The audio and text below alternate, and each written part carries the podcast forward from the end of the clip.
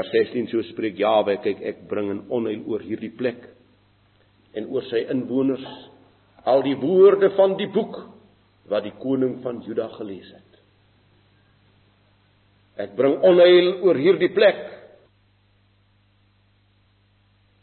Die wit volkie in Suid-Afrika sal die oordeel van Jawe oor Suid-Afrika nie ontvlug nie. Hulle kan maak net wat hulle wil. Hulle kan verbonde sluit al meer en meer. Hulle sal die oordeel van Jawe nie ontvlug nie. Die toestand in die dae van daardie koningsgeliefdes oor die volk was skrikwekkend. Dit was 'n tragiese tyd. Die wetboek word ontdek. So met al die godsdiens wat hulle hou. So met al hulle tempel en bedryf is die wetboek van God. En nie voor nie, nie voorop nie. En hoe beleef ons hier dieselfde pad? 'n Volk vol godsdiens en afgode en skande. Kom ons lees vir u daar vers 23, hoofstuk 23 van 2 Konings vers 7. En hy het die huise van die skandseuns afgebreek wat in die huis van Jawe was waar die vroue tente geweef het vir Asjera. Ons lees, jy moet net gaan lees, as jy nou gaan lees, wat het hierdie koning toe nou alles hervorm? Wat het hy nou als reggemaak? En ek bly net vir u so 'n bietjie deur na Deuteronomium 27 vers 17. En dan kyk ons hoe lyk ons land. U lees mos daarom ook saam met my wat in die wêreld aangaan. Deuteronomium 7 27 vers 17. Sê ek nou nou deur mekaar. Maar ag ek wil tog vra, ek het nou 'n verkeerde teks hier gemeld. Dit moet maar net hier rond staan. Waar die die Vader baie duidelik vir hulle sê daar mag nie hoere in die volk wees nie. Geen Israelitiese dogter mag hoer wees nie. Daar mag nie 'n skandseun in hierdie volk wees nie. Daar mag nie hoereerders in die volk wees nie. Nou vra ek vanmôre vir u as is net hierdie element onder hierdie volk uithaal vanmôre. Hoe lyk hierdie volk? Hoe lyk hierdie volk? En hierdie koning het ook dit weer uitgeroei. Word dit nie ook al in hierdie in hierdie volk uh, gepropageer dat daar sulke plekke in hierdie land gebou sal word nie? Alhoewel dit dit te bou die, die hele land is een.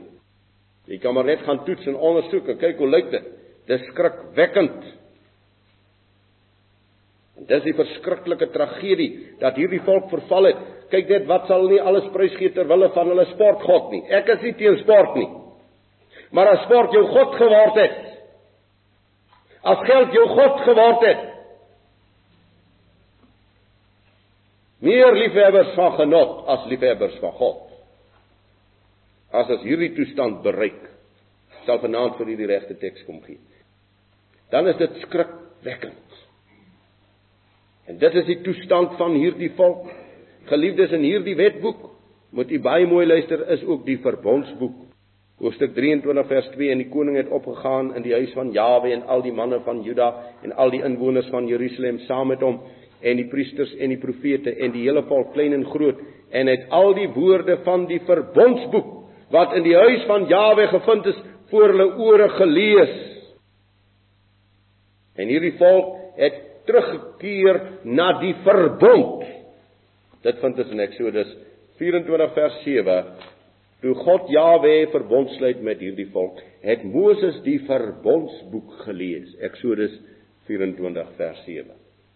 En hy het daardie geweldige handeling gedoen, daardie bloedhandeling van die helfte van die bloed oor die altaar en die helfte van die bloed oor die volk.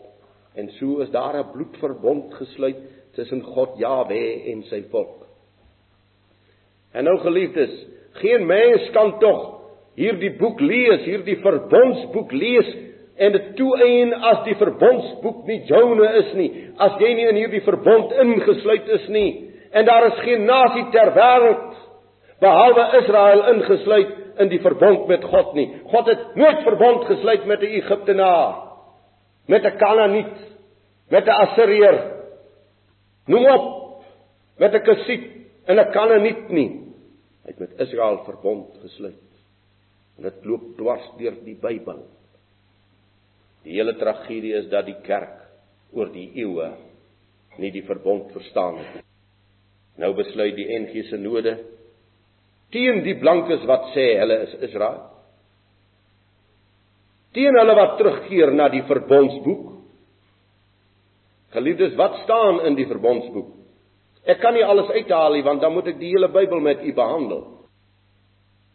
Dan moet ek al die wette en al die profete met u behandel. Maar kom ons haal net enkeles uit. En ek lees Eksodus. En ek hou nou op, sal maar vanaand verder gaan.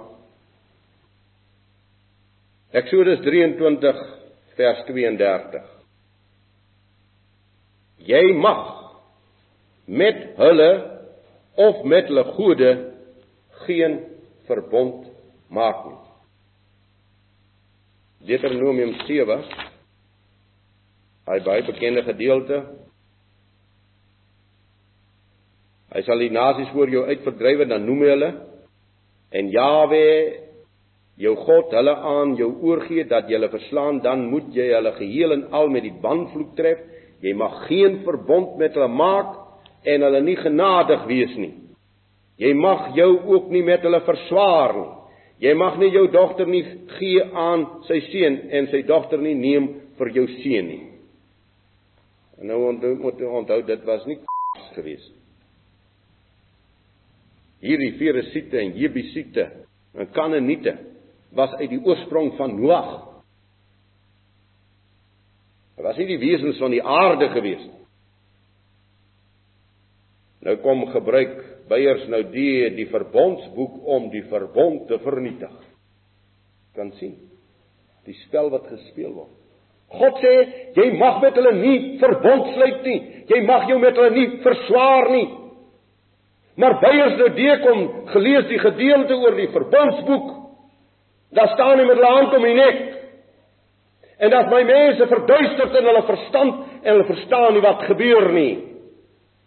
En laat ek dit maar vanmôre sê dat u oë kan oopgaan.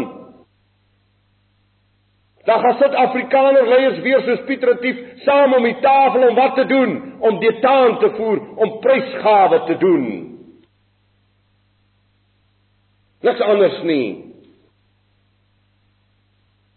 Daar neem mense my kwaadlik as ek sê daar is net een terugkeer en dis terug na die Bybel toe en dis terug na die verbondsboek en na Jahwe toe, nie na mense nie. Dis baie duidelik, dis baie helder. Hierdie boek sê jy mag geen verbond met 'n nasie buite Israel sluit nie. Is die wet ooit verander? Is hy ooit herroep? Nooit geliefdes, nooit ek daag iemand uit om dit vir my te kom lees. Selfs Paulus in die Nuwe Testament kom kla oor hierdie hoereerdery van hierdie volk met die heidene.